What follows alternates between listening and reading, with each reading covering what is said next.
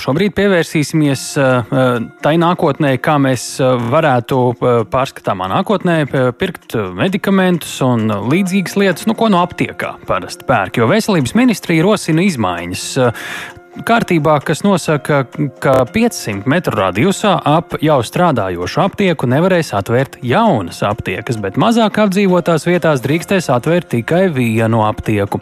Ko tas nozīmē? Kāpēc šāda? Uh, virzība. Veselības ministrijas farmācijas departamenta direktora Ines Kaupere pie programmas pēcpusdienu klausulis, lai atbildētu uz vairākiem jautājumiem. Labdien! Labdien! Kāpēc šāds ierosinājums? Un, raksturosim to situāciju, un tad jau pa detaļām, ko tad jūs ierosināt mainīt. Vārds sakot, kopumā runājot, mērķis ir panākt aptiekas pieejamākas iedzīvotājiem un taisni mazāk apdzīvotās vietās, kur šo aptieku skaits ir niecīgs vai ierobežots, vai kur to vispār nav. Uh, otra lieta ir tā, ka uh, mēs novērojam šos riskus negodīgai konkurencei, un lai konkurence būtu vienāda un godīga visiem komersantiem, arī tādēļ ir nepieciešami grozījumi normās. Ja mēs skatāmies konkrēti, tad jūsu minētie 500 metri attiecināmi uz uh, jaunu aptieku atvēršanu un tām aptiekām, piemēram, kas maina savu izvietojumu, ja vien, piemēram, aptieka nepārvietojas uh, vienas ēkas ietvaros vai pārvietošanās nav tālāk par 550 metriem no jau šobrīd esošas aptiekas darbības vietas, vai aptieka tiek atvērta vai pārvietota slimnīcā. Līdz ar to 500 metri attieksies tikai, ja ver vaļā jaunu aptieku. Nekādā mērā minētie noteikumi neatiecas ne uz esošo aptieku darbību, ne skaitu, ne izvietojumu. To absolūti šie noteikumi neietekmē. Ja mēs skatāmies uz papildus normu, jūs arī pareizi teicāt par tiem vienu aptieku uz 2500 iedzīvotājiem vai mazāku apdzīvotu vietu. Vienkārši mēs novērojam situāciju, ka tieši lauku apvidos uh, un tie ir ciemi, kur ir šāds iedzīvotāju skaits vai mazāks. Ļoti daudzos ciemos aptieku vispār nav. Un runājot arī ar komersantiem, šīs vietas pagaidām nav pievilcīgas, jo esošie noteikumi pieļauj aptvērt divas aptiekas. Ņemot vērā to, ka komersantam ir risks sastapties ar otru komersantu un zaudēt rentabilitāti, tad eh, šobrīd liela daļa komersantu vispār neiet, nu, ne, kā lai Pat saka, neiedrošinās un, un nevar šajās vietās mazajās aptiekas. Līdz ar to ir mērķis vietās, kur jau ir atvērtas arī mazāk apdzīvotas vietas, arī tajās, kur ir mazāk 2500 iedzīvotāji. Ja tur ir divas, trīs aptiekas, viņas tur varēs turpināt darbu, bet mērķis ir pievērsties tām apdzīvotām vietām, kur šo aptieku vispār nav, un padarīt šo vidi komersantiem draudzīgāku, lai aptieka būtu pieejama iedzīvotājiem maksimāli tuvāk viņa dzīves vietai. Un vēl viena redzat, šie... lieta, ko Jā. mēs arī ar šiem grozījumiem vēlamies arī uzsvērt, Tās ir slimnīcu teritorijas, kur šobrīd uh, ir vien, komersanti, kur vienam komersantam pieder visas aptiekas, un ir monopola stāvoklis izveidojies, vai arī situācija, kad uh, citu komersantu aptieku ienākšana ir bloķēta, un līdz ar to ar šiem noteikumiem mēs paredzam, ka slimnīcu teritorijā viens komersants var izvietot tikai vienu aptieku. Jā.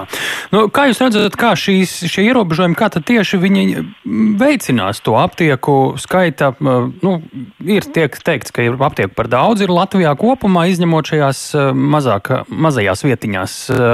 Nu, kas, kas tad būs tas, kas tās aptiekas, aptiekārus un šī biznesa dalībniekus rosinās rīkoties uz, to, uz tā mērķa pusi? Jo man rodas iespējas, ka tagad tās aptiekas, kuras jau ir, nu, tur turēsies nu, tā kā iegravēsies akmenī. Jo, nu, ja, pazau, ja aizvarās ciet, tad tur otrais vairs nevarēs atvērt, jo tuvāk par 500 metriem. Nu, redziet, tā iegravēšanās ir tāda, ka e, šobrīd, ko mēs redzam, tās aptiekas ir e, nevis tur, kur varbūt iedzīvotājiem ir svarīgi un arī tuvāk iedzīvotāju dzīves vietai, bet tur, kur šis komersantam ir strateģiski izdevīgāk. Un līdz ar to mūsu mērķis nu, ar noteikumiem ir uh, nākotnē panākt šo te, aptieku tīkla nu, izkliedēšanos, panākt to izkliedētāku. Līdz ar to, ja kāds strādā, jā, viņš var turpināt strādāt, bet dzīve mainās un arī apstākļi Jo, ko mēs šobrīd novērojam, tie 500 metri ir arī jau šobrīd spēkā, bet starp aptiekām, kas gatavo zāles vai strādā diennakti. Un šobrīd šie kritēriji nevis tiem farmaceitiskiem mērķiem, kas sākumā bija domāti ieviešot šīs normas, bet tie arī atsevišķu komersantu komercinterešu aizstāvēšanai. Respektīvi, kas notiek šodien gatavoju, rītā gatavošanu pārtraucu, atļauju vēl šajā teritorijā ienākt vēl vienai savai aptiekai vai citreiz arī kādai konkurentu aptiekai, tad atkal sāku gatavot, mm -hmm. atkal nevienu nelaižu. Respektīvi, mūsu mērķis ir panākt šo godīgu konkurenci, panākt godīgu konkurenci un visiem, nu, kā lai saka, līdzvērtīgas iespējas konkurēt šajā tirgu. Un līdz ar to ir šie 500 metri noteikti starp visām aptiekām, bet nu, attiecinot to uz jaunajām vai tās, kas maina izvietojumu. Jā, kā jūs raksturotu, par ko šī, šo rosinājumu laikā, apspriešanas laikā, vajadzēja saņēmāt vislielāko mm, jautājumu vai iebildumu klāstu, kas bija diskusijās visspraigākais? Vai tie jautājumi bija visdažādākie, un viņi pat jāsaka, ka bija gana pretrunīgi. Viņi bija pretrunīgi starp nozari, ministrijām, kā lai saka, sabiedrisko organizāciju pārstāvjiem. Kādus skaļākos, lai klausītājiem ir priekšstats, par ko bija diskusija?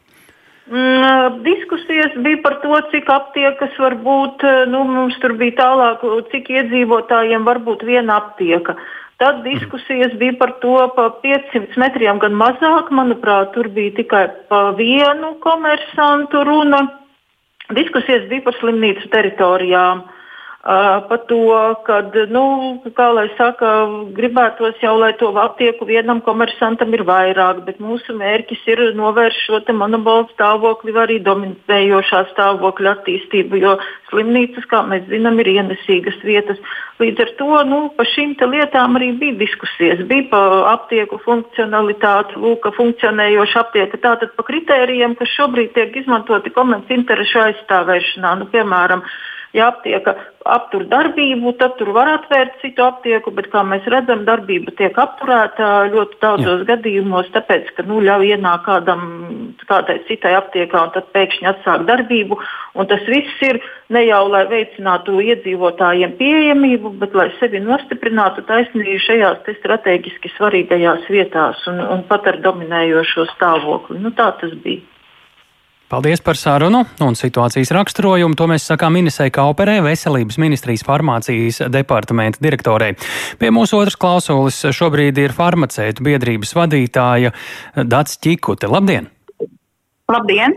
Nu, kā jūs redzat, kas uh, no šādām pagaidām vēl tikai rosinājuma vai, vai virzīta, valdībā virzīta jautājuma līmenī uh, ir tas, kas ir labs un kas varbūt joprojām ir kritiski uztverams? Nu, jāteic, šis ir mēģinājums uh, kaut ko progresīvu izdarīt aptieku izviet, izvietojumu regulējumā, jo jāteic, ka jau nu, ļoti krietnu laiku tieši aptieku nozarē un aptieku darbībā nav bijušas tādas izmaiņas. Un, un patreiz mainās nu, visa vide, kurā dzīvojam. Otrs, ko es gribu atzīmēt, diskusija par šiem noteikumiem, kritērijiem uzsākās jau pirms Covid. Un, uh, godīgi sakot, es personīgi tagad, šodien, nu, kad es vēroju, kas notiek Rīgas centrā un kad redzam, kas notiek lielveikalos, mēs redzam, ka šī situācija ir mainījusies tiešām tas arguments, ka iedzīvotāji vēlas iegādāties zāles tuvāk savai dzīves vietai, ir vērā ņemams. Uh, ko mēs kā speciālisti. Jo gribu teikt, ka aptieka viennozīmīgi nu, nav veikals. Ja, un, ja šī uh, lielā spriedze, kur daži vērtē aptieku nu, tikai sakarā ar zāļu cenām, nu, ļoti gribētos uh, uzsvērt šo speciālistu lomu aptiekas darbībā, kas ir farmaceits un farmaceita asistents. Uh, no, ko, ko, nozīmē, tās, ko tās izmaiņas nozīmē šajā ziņā? Uh, Tas nozīmē, ka vienlaicīgi aptieku īpašniekiem būs nu, patiešām jākoncentrējas arī uz darba organizāciju aptiekā, lai farmaceitam būtu iespēja izdarīt visu to, ko noteikumi, profesionālie noteikumi viņam liek darīt. Mm -hmm. Un, nu, mēs ļoti ceram, ka kopīgiem spēkiem tas būs ieguvums sabiedrībai, bet risks pastāv. Jā, farmaceiti ir tie, kuri satiek arī mūsu klausītājus, apmeklētājus, pacientus, klientus, kā nu kurš to sauc, kas mainītos iedzīvotājiem? Kā jūs redzat līdz ar šādām pārmaiņām? Man pirmā ainiņa ir, ka uh, seniors vai seniore skatās aptiekā vienas zālītes par dārgu šķiet. Tuvākā aptiekā 500 metri skrien uz turieni, nē, tomēr pirmajā bija lētāk. Jā, jūs, jūs tā ļoti, ļoti, ļoti vienkāršojāt šo uh, situāciju ar zāļu cenām, jo uh, man, man tiešām gribās teikt, ka tieši zāļu cenās varbūt tā atšķirība uh, nav tik liela, jo Labi. zāļu cenas mums valstī tiek regulētas. Uh, viena nianses ir, ko varbūt gribētos, lai valstī nu, mazliet noteiktāk nostāja aptiekas profesionālās darbības uzraudzībā. Nu, tas nozīmē, lai, lai mums būtu skaidrs, ka aptiekā tiešām ir speciālisti visā aptiekas darba laikā. Iedzīvotājiem tas ir ļoti svarīgi. Šie noteikumi ir kontekstā. Aptieka ir ļoti tāds sarežģīts organisms, un kontekstā ar aptieku izvietojumu skaidrs, ka notiks arī kāds citas darbības. Un kaut vai par šiem jaunajiem aptieku pakalpojumiem, ko jau Covid laikā iedzīvotāji ir pamanījuši, tā ir zāļu, receptu zāļu piegāde mājās. Mm -hmm. Tā ir iespēja zāles pasūtīt pa telefonu un arī konsultāciju pa telefonu. Jā. Un tādā gadījumā, ja aptieka kā uh, paliek galvenā nu, tāda, tāda uh, iestāde, kā veselības aprūpas iestāde, kur farmaceits kontrolē visus procesus līdz pat zāļu piegādē mājās, tā šiem iedzīvotājiem ir pavērts jau tagad jaunas iespējas saņemt zāles. Labi, tas ir par Covid. Kas notiks ar reģioniem? Tur šie, šāda kārtība tiešām varētu aicināt, ka tajās vietās, kur aptieku vajag, bet uh, aptiekāriem līdz šim nav bijis izdevīgi, tur varētu vērties pa kādai jaunai aptiekai ir, ir vairākas iespējas. Eh, viens, kad mums ir jaunie speciālisti farmaceiti, kas vēlas eh, strādāt savā aptiekā, ja? jo eh, tās iespējas patreiz nu, pilnīgi ir nogrieztas līdz ar to. Tā kā iespējas parādās farmaceitam, jo, ja viņš ir īpašnieks, nu, viņam tā sacīt nav jābaro lieka mūsu darbinieks, viņš pats arī strādā šajā aptiekā.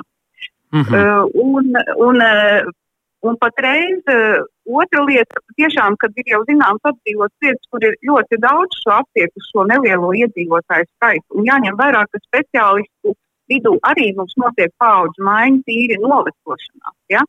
Tā kā uh, varētu būt šī iespēja. Otra lieta, kad uh, tā saucamās aptieku filiālis vienmēr jau pastāv un, un teiksim, uh, var uh, viens farmaceits nodibināt kaut vai savu aptieku šādā mazā miestiņā, un otrā censties atvērt aptiekas filiāli, kam ir ap, atvieglotas prasības. Nu, šādā veidā uh, redzam šīs iespējas, bet nu, arī iedzīvotāji tomēr nu, novērojam nelielu varbūt iedzīvotāju pārcelšanās arī uz laukiem un tam jauniem speciālistam ir eh, jābūt eh, iespējai, bet nu, tas arī ir skaidrs, ka aptieku nevar piecelt iedzīvotājiem tieši pie mājas, ka aptieka būs tur, kur arī ir eh, pieejams ārsta pakalpojums. Nu jā, arī tas vēl, kā jūs teicāt, aptieka sarežģīts mehānisms. Tad mums vēl pārdesmit sekundes īsumā rezumējot, tad lielus protestus pret šiem izmaiņām necelsit un visticamāk, ka tāda tā kārtība arī pēc kāda laika varētu būt. Ja? Ir bijušas ļoti daudz diskusijas, jo, jo šī apspriešana ir gājusi, manuprāt, vismaz pusotru gadu. Un, un, un, eh, nu, katrā jaunā lietā tāds risks ir redzams, vai viss ir līdz galam izsvērts un izmērāms. Šobrīd tā noteikti nav. Tur vēl ir vairāk riski. Ir svarīgi, lai nepazūd zāļu gatavošana aptiekās un lai neaizver citas diennakts aptiekas. Lūk, tieši tā. Paldies par sarunu, Dācis Čikute, farmaceita biedrības vadītāja. Lielas paldies!